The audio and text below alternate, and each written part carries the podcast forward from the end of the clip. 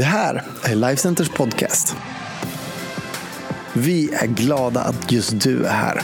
Allt du behöver veta om oss och vad som händer i kyrkan det hittar du på Lifecenter.se och våra sociala medier. Här kommer veckans predikan. Har du någon gång upplevt hur du sitter fast? Hur du bara kört fast i livet, i ett problem? Det är som att eh, Eh, du är i leran, du har kört fast med bilen i snödrivan och du sitter du och du kommer inte loss.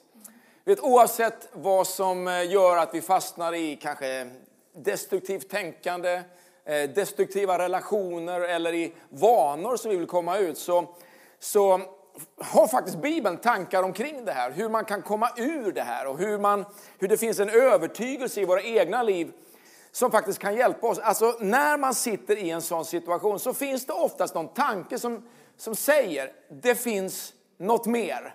Det finns något bättre för mig och, och jag, du längtar efter det. Precis som jag längtar efter det ibland. Att liksom, det är inte färdigt det här utan det är någonting där borta som jag inte får tag på än men jag måste bara komma dit. Och idag så vill jag predika ett budskap till dig som jag kallar för Move On. Gå vidare. Det är dags att move on. Och vem behöver inte det? Vem behöver inte gå vidare? Ska vi be tillsammans? Fader i himlen, lys på ditt levande ord idag. Ge oss goda tankar. Heligande, mata våran inre människa med information, med, med, med budskap, med berättelser som ger oss styrka, råd och utvägar. I Jesu namn vi ber. Amen. Amen. Är ni med här nu? Vi har ju livepublik idag, det är ju fantastiskt. Vi ska gå till en berättelse i eh, Apostlagärningarna kapitel 12. Och eh, där så ska vi läsa verserna 24 och 25. Och där står det så här. Guds ord hade framgång och spred sig allt mer. När Barnabas och Saulus hade fullgjort sitt uppdrag i Jerusalem så vände de tillbaka och tog, med, eh, tog då med sig Johannes som kallades Markus. När de hade upplevt att de hade fullbordat någonting, då tog de sig tillbaka till den plats där de kom ifrån.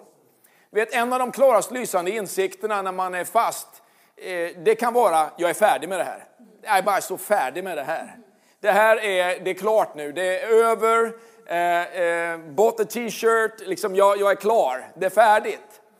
Man har många gånger då, när man är i en sån position, hamnat i en situation där man känner att jag har fullgjort uppdraget här. Det är liksom färdigt, det är bock i kanten. Och, och det är också någonting som är bibliskt. För att när vi ibland funderar på våra liv så är det ju faktiskt så att Gud längtar efter att vi ska fullborda våra uppdrag. För Gud vill fullborda sitt uppdrag. Det är ju det Jesus säger på korset när han säger det är fullbordat. Men i Filipperbrevets första kapitel i vers 6 så står det faktiskt så här att, att Eh, eh, Paulus han säger så här, jag är övertygad om att han som har börjat ett gott verk i er, han ska fullborda det intill Kristi Jesu dag.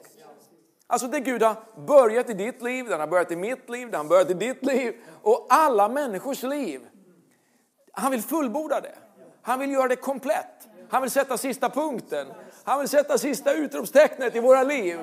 Så att om vi ibland känner liksom att ja, men jag, är inte, jag är inte där än, ja men Gud han ska fullborda. Det är så skönt att det står att det är han som ska fullborda det. Det är inte du eller jag som ska fullborda det, Gud ska fullborda Han ska fullborda det och vi ska då liksom ställa oss till hans förfogande och vara villiga att vara där. Och det kommer att vara en fantastisk resa som vi gör med Gud när man lever med den insikten och den övertygelsen. Kanske är det dags för dig att fundera på den här hösten, de här sommarmånaderna. Ska du byta jobb? Är det kanske dags att avsluta den där utbildningen för det blev fel val från början och börja en annan utbildning? Eller är det kanske dags att fullborda den utbildningen? Bara för att du hade en liten tråkig tenta här nu på vårkanten som du körde på så är det inte liksom sanningen den att du ska liksom avsluta alltihopa. Nej, du ska fullborda. Och jag tycker att det är så spännande det här med livet när man, när man liksom hitta den här ambitionen och längtan som ändå bottnar i att oh, jag får sätta punkt. Va? Jag är ju en byggare egentligen mycket mer än jag är en förvaltare. Eh, jag tror att både byggare och förvaltare behövs. Är ju, Bibeln säger ju att vi ska vara goda förvaltare. Men Bibeln säger också att vi ska vara byggare. Och det handlar mycket om våra uppdrag och våra kallelser. Jag kanske är mer en byggare än en förvaltare därför att det är mitt uppdrag och det är min kallelse. Och utmaningen i den, när man lever med en övertygelse om vad Gud har kallat en till, det, är, det kan ju vara till exempel för en byggare, en entreprenör eller en mer apostolisk tjänst. Eller, det, det, det är att när man har varit länge på en plats, som jag har varit i Life Center sedan första dagen, så har 20 år plötsligt gått. Och så tänker man, ja men nu är det väldigt mycket förvaltande. Nu är det mycket liksom, eh, nu är man inne och roddar mycket i liksom ett förvaltarskap.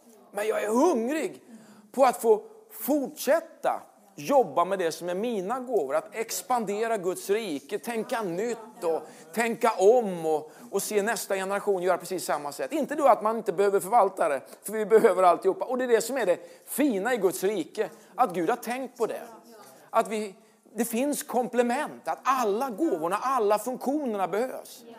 Många gånger i starten av en kyrka, då, då, då, behövs ett verkligt starkt entreprenörskap, liksom ett apostoliskt ledarskap brukar vi kalla det för. Men, jag brukar säga till många nya församlingsbyggare och planterare att eh, se till att det finns bra administratörer.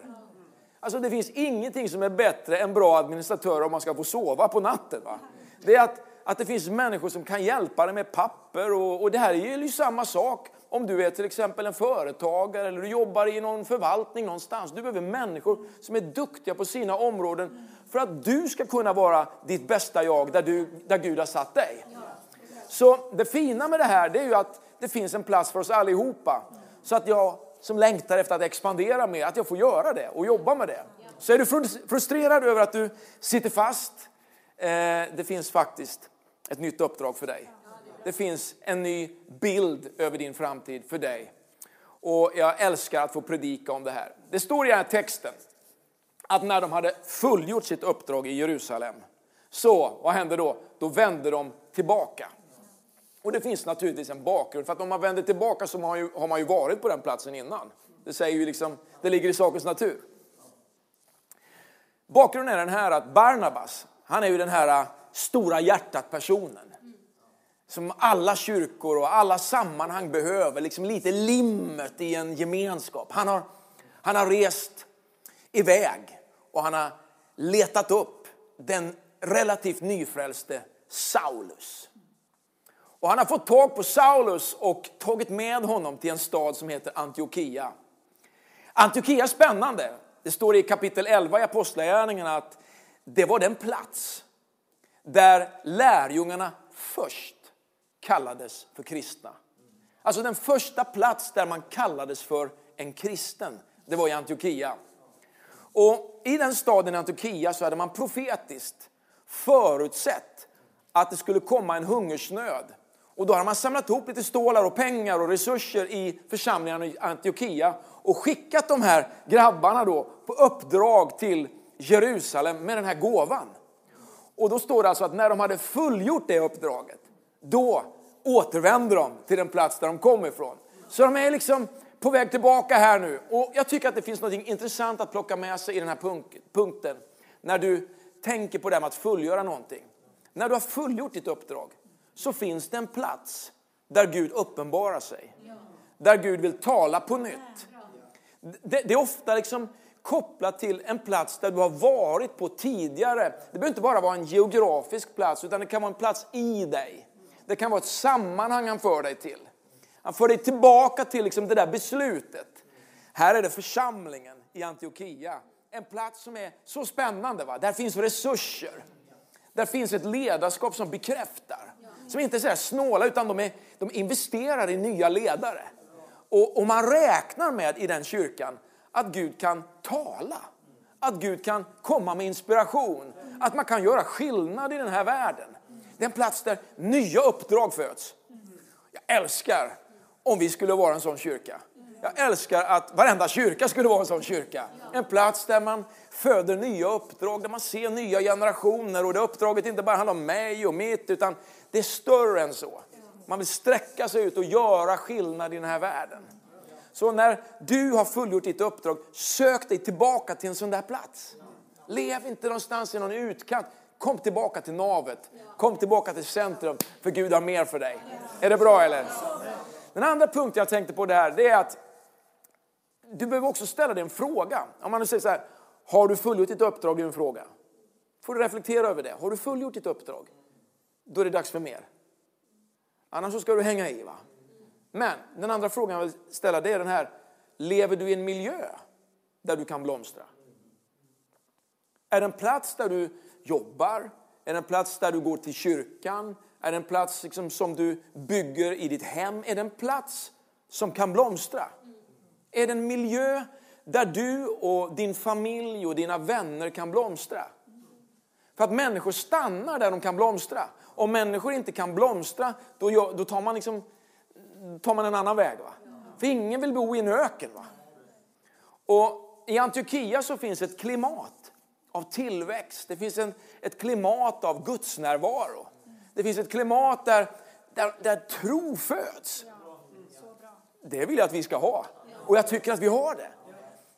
De, de, de återvänder till platsen och där får man ett nytt mandat att göra det Gud har kallat dem att göra. Och vi läser i, i, i eh, Apostlagärningarnas 13 kapitel, de, verserna 2 och 3. Och där står det så här. När de tjänade Herren och fastade sa den helige Ande, avskilj Barnabas och Saulus åt mig för den uppgift som jag kallat dem till. Då fastade de och bad och la händerna på dem och skickade sedan ut dem. En sån här välkänd vers om du går till kyrkan. Va? Som handlar om att Gud har någonting nytt. Gud har mer och att det finns liksom en sån här samverkan mellan liksom det här gänget som går och det här gänget som sänder ut. Va? Man lägger händerna på, man välsignar, man ger sitt bifall till. Ett klimat där det finns tro, va? det finns profetisk närvaro. Den heliga ande talar och säger hej, det finns ett spännande liv. Ja, jättebra, men inte för mig, men de här kanske, men jag kanske kan resursa dem. För det behövs resurser, men det behövs också människor som tar resurser och går. Va? Och den här underbara ska vi säga, symbiosen, den här samverkan, det är ju ett sånt liv vi lever i. För att ibland är det någon som får ett uppdrag åt ett håll och någon gång så är det någon annan som får. Och här kan vi stötta och backa upp varandra. Jag har några frågor till dig när det gäller just det här att leva i en miljö där du kan blomstra. Jag tänker på det här. Vad ligger på ditt liv? Vad ligger på ditt liv? När du ligger i hängmattan och läser någon bra eh, deckare här nu i sommar. Och, kanske du skulle bara lägga från den bara ett par minuter och så tänka så här. Vad ligger egentligen på mitt liv? Vad har Gud lagt på mitt liv? Vad, vad har han tänkt om mig? Vad är det jag ska fullborda? Vad är det jag ska kliva in nu? Vad är det andra skulle kunna bekräfta och stötta? Vilken bra fråga och vilken bra tanke att meditera lite på och tänka på en sån här sommar. Jag tänker också på, när sökte du Gud för din framtid senast? När var senaste gången du riktigt tog en stund och funderade på, vad handlar min framtid om? Det är en underbar tid när man gör det. Jag tror inte man springer och gör det där hela tiden, hela tiden, hela tiden. Utan man kanske tänker naturligtvis på vad man ska göra, men många gånger så kommer man till liksom episoder i sitt liv när nu är det en tid för mig att söka Gud för min framtid. Tänk också på, när var den senaste gången du tog ett steg in i ett nytt uppdrag? När var den? Vad hände då? Vad var det för liksom saker som ledde fram till det? Vad, vad, vad ledde det till? Då? det är en oerhört bra reflektion i ens liv. Därför att Gud vill ju använda oss. Han som har påbörjat ett gott verk i oss, han ska fullborda det intill Kristi Jesu dag. Filipperbrevet 1 och 6 läste vi i början här. Jag tänker också på det här att Guds rike, det tillhör växtriket. Jag har en, pastors, eh, en äldre pastorskompis, han var ju jättemycket äldre än jag, säkert eh, tio år äldre. Eh, och, och han sa ofta, Per-Johan, glöm inte bort, glöm inte bort att Guds rike tillhör växtriket. Ja, då tänker man ju direkt på liksom, det, det, ska växa, det ska växa. Va? Han sa, du, P, det finns säsonger. Det finns vintrar och vårar och somrar och höster och, och, och, och höstrar, höst, höst, höst. Och, och, jag tycker det är så fantastiskt med Sverige. Va? Det är de här säsongerna, det är de här årstiderna. Så är det också i Guds rike. Va? Det finns en tid när man sår, det finns en tid när man vattnar, det finns en tid när man skördar. Men det kan också i det här, den här resan vi gör med Gud kännas som att det finns tider av mer vatten. Men det kan också kännas som att man ibland går igenom en ökentillvaro. Va? Men du vet, trots att Israels folk gick genom öknen 40 år, så var det 40 år. De är inte kvar där idag, utan de kom ur det. De kom ur det. Kanske är det så för dig att du upplever att du är i en ökenvandring just nu. Men även det kommer att passera. Även det kommer att passera. Är du frustrerad att det inte händer så snabbt som du önskade? Det finns säsonger. Det finns säsonger i ditt liv, det finns säsonger i Guds rike. Men hans kärlek är alltid god. Fastna inte i den där ökentillvaron, utan tänk, det är dags att move on. Det är dags att gå vidare. Och när Paulus och Barnabas kommer till en ny stad där människor hungriga efter evangeliet och de får predika och, och, och de liksom vill ha mer av Jesus. Men lyssna här nu, till och med då så är det säsonger för de blir hindrade av en religiös liten elit. Va? Och, och, lyssna på vad de säger här i kapitel 13 och vers 46. Jag tycker det är fantastiska eh, ord som de säger så här. Då svarade Paulus och Barnabas frimodigt. Guds ord måste först predikas för er, men då ni visar det ifrån er och inte anser er själva värdigt det eviga livet, se, då vänder vi oss till hedningarna. Alltså, ibland är det i våra liv lätt att man i sin längtan över att göra någonting bara spika på den spiken. Va? Trots att spiken är totalt ispikad. Så kommer den inte bli mer ispikad. Va? För den är liksom eh, färdig. va? Håll inte på att stångas i onödan. Move on. Move on. Det är dags för dig att gå vidare. Kanske är det en hälsning till någon idag, en, en, en, ett ord från himlen för dig. Det är dags för dig att gå vidare. Det är dags för dig att röra dig framåt. Sitt inte kvar liksom i den där soppan och bara navelskåda. Det är dags att röra dig vidare. Den som är öppen får ta emot och den som inte vill ta emot behöver inte ta emot. Men du ska inte fastna för det. Move on. Move on. Don't get stuck. Move on. Det gäller dina, liksom i business, i affärer, det gäller i, i relationer, det gäller i vänner. Move on. Låt ingen bromsa dig från att gå Guds väg och gå med honom. Jag säger inte att du ska vara en dålig förvaltare eller att du ska överge någonting som Gud har lagt på ditt liv. Det säger jag inte. Absolut inte. Det finns något som heter trofasthet. Det finns något som heter äktenskap. Det finns något som heter viktiga relationer. Alltså det finns liksom ett mandat som ligger i våra liv som inte du ska överge. Men det är dags att move on. Håll inte på och ägna dig åt liksom misstag du gjorde för 20 år sedan, för 30 år sedan. Move on. Det finns mycket mer att uppleva, mycket mer att göra än att fastna i svårigheter som låser och begränsar och förlamar dig. Tro på Gud och ta ett steg vidare. Kanske har du mött någon erfarenhet som har bromsat dig eller någonting som har på något sätt hindrat dig. Det är dags att röra dig vidare. En tredje fråga jag har till dig i det här, det är faktiskt om du har kompromissat med evangeliet. Och då liksom känner man ju redan att det, ja, nu fräser det till lite här, nu, blir det, nu bränner det lite till i våra liv. Va? I kapitel 15 så är det ju faktiskt så här att, att eh, det är någonting som, som sker här som är väldigt ska vi säga, avgörande för oss. Och, och om vi bara läser de här två verserna så kommer du förstå. Kapitel 15 Apostlagärningarna, de två första verserna. Några som hade kommit ner från Judeen började lära bröderna att de inte kunde bli frälsta om de inte lät omskära sig enligt seden från Mose.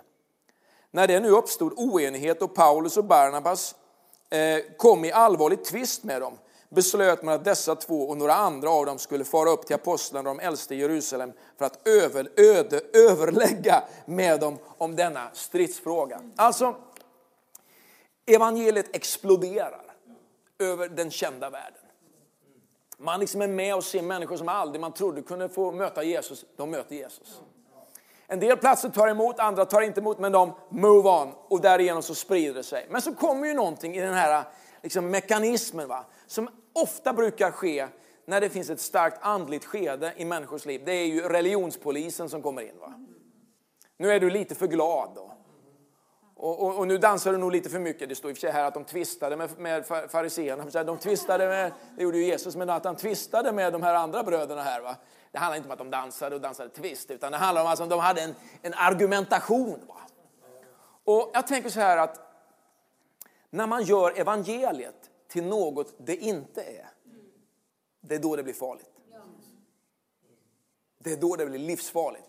Något som får dig och mig att fastna i beteenden eller i läror eller i vårt sätt att leva våra liv. Det är när vi gör evangeliet, det glada budskapet om Jesus Kristus till något det inte är. Och så där kan man väl inte vara om man är en kristen. Så där kan man väl inte göra. Och så börjar vi döma varandra. Va? Och Bibeln tar ju tag i det här. Låt ingen liksom, eh, du, du, ska inte döma någon för vad den äter. Eller, utan, utan frihet. Va? Fastna inte i de här beteendena som håller tillbaka berättelsen om vem Jesus är för bara några få. Lägg inte ditt eget beteendemönster på andra människor om det inte är rotat i Guds ord. Vet, den judiska traditionen, allt sedan Mose tid, det var ju att man skulle omskära eh, varje nytt pojkbarn. Men det hade ju med tro och en lydnad som, som var liksom kopplad till den ska vi säga, tiden som hade varit för det judiska folket. Men så kommer någonting helt nytt här. Och det är ju att bara genom Guds nåd så kan man bli frälst. Va? Alltså bara genom att lägga av alla bördorna så kan man få resa lätt. Va? I kapitel 15 och vers 11 så står det ju så här, fantastiskt, och det, ta det till dig. Nej, vi tror på samma sätt som de blir frälsta genom Herrens nåd. Alltså det finns bara ett sätt, att det är genom Herrens nåd som man kan bli frälst. Inte genom att du liksom skär bort den där delen eller den där delen, har ingenting med saken att göra. Utan det handlar om att ta emot Jesus och att lägga ner sina bördor för honom. För att du ska kunna få resa genom livet och move on. Att fastna, det innebär ofta att vi har tappat blicken på Jesus. Att vi har tappat blicken på det som är det centrala i livet. Håll blicken fäst på Jesus, säger Hebreerbrevet. Annars tappar ni modet och ger upp. Annars fastnar ni. Annars blir ni stuck. Annars glömmer ni bort Guds nåd över vad era liv var och vad era liv nu kan vara tillsammans med honom. Det finns en väg för dig och mig. Move on. Res lätt. Låt inte religiositet och låt inte liksom det som handlar om, om religionspolis liksom fånga ditt liv.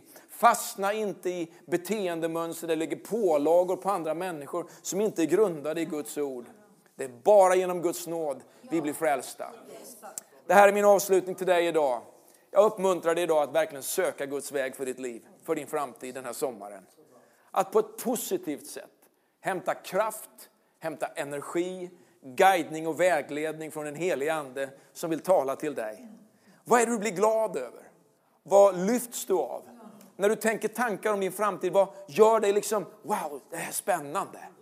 Eller är det bara liksom den här nedåtgående grejen att det känns jobbigt nu inför hösten och ska tillbaka till det här. Men tänk om Gud ville bara lyfta din blick. Va? Och så känner du det här hungern tillbaka. Liksom suget tillbaka. Jag säger inte liksom att det här att du inte kommer möta prövning, det är en sak. Men det måste finnas en glädje i det vi gör. Som ger oss kraft va? att bryta igenom. Att tro på Gud. Har, har du placerat dig där du kan blomstra? Reflektera lite över det den här sommaren. Och har du ett ansvar för ett sammanhang, hur kan du se till att det sammanhanget blomstrar? För du är väl inte en sån där som bara suger energi ur jorden? Du måste ju kunna ge lite energi tillbaka så att människor runt omkring dig också kan blomstra. Har du ett levande evangelium om Guds nåd närvarande i ditt liv? Eller är det bara liksom det här, Oh, oh. drar du det röda kortet eller varningens gula kort hela tiden när du går fram i livet? Va? Vem har kallat dig att vara en sån? Det finns frihet i Jesu namn och det finns frihet i Jesu blod. Var det bra idag? Härligt, det är alltid gott att gå till Guds ord och fantastiskt har det varit att få predika från Apostlagärningarna. Vi kommer fortsätta så småningom lite mer, men det här är ett underbart kan vi säga, avsnitt av den kristna kyrkans liv där vi kan lära oss så mycket. Så läs gärna Apostlagärningarna den här sommaren, gräv lite i det och se hur det kan påverka ditt liv och din framtid. Ska vi be tillsammans? Och nu vill jag göra en enkel inbjudan till dig som kanske lyssnar på den här gudstjänsten för första gången. Kanske har du varit en återkommande tittare under en längre tid. Kanske är det här dagen när du ska verkligen bjuda Jesus in i ditt liv för att move on, gå vidare i din relation med Jesus. Jag brukar säga ibland så här att svensken han Han säger nog ja till Gud egentligen, men han kanske inte har sagt ja till kyrkan i alla lägen. Men varför inte börja på bästa platsen, att bara säga ja till Jesus? Att bara välkomna honom in i ditt liv. Och sen är det mycket, mycket roligare att spela fotboll tillsammans med ett gäng än att stå ensam i ett hörn. Varför inte söka en kristen gemenskap där du kan blomstra och där du kan hitta en gemenskap? Du får gärna be med mig i den här enkla bönen när du välkomnar Jesus in i ditt liv. Och varför inte bara sluta dina ögon och knäppa dina händer och, och bara reflektera över de här orden. Och vill du säga med dem så gör du det. Jesus, jag tror på dig. Jag lägger mitt liv i dina händer. Förlåt mig min synd. Upprätta mitt liv. Ge mig en ny framtid. Tack Jesus för en härlig framtid med dig. I Jesu namn. Amen. Har du bett den här bönen så är det en fantastisk bön. Det är en bön som förvandlar ditt liv radikalt. Det är en bön som lyfter ditt liv. Och vi vill hemskt gärna bara fortsätta att bygga en relation tillsammans med dig och ta kontakt med dig. Du kan göra det bästa, på bästa sätt, bland annat genom att gå ut på vår hemsida. Och på vår hemsida så kan, kan du klicka i en ruta där och du kan fylla i dina uppgifter så vill vi gärna skicka dig en bibel där vi också förklarar för dig några av de första stegen i din nyfunna tro på Jesus Kristus. Vi önskar dig en välsignad sommar.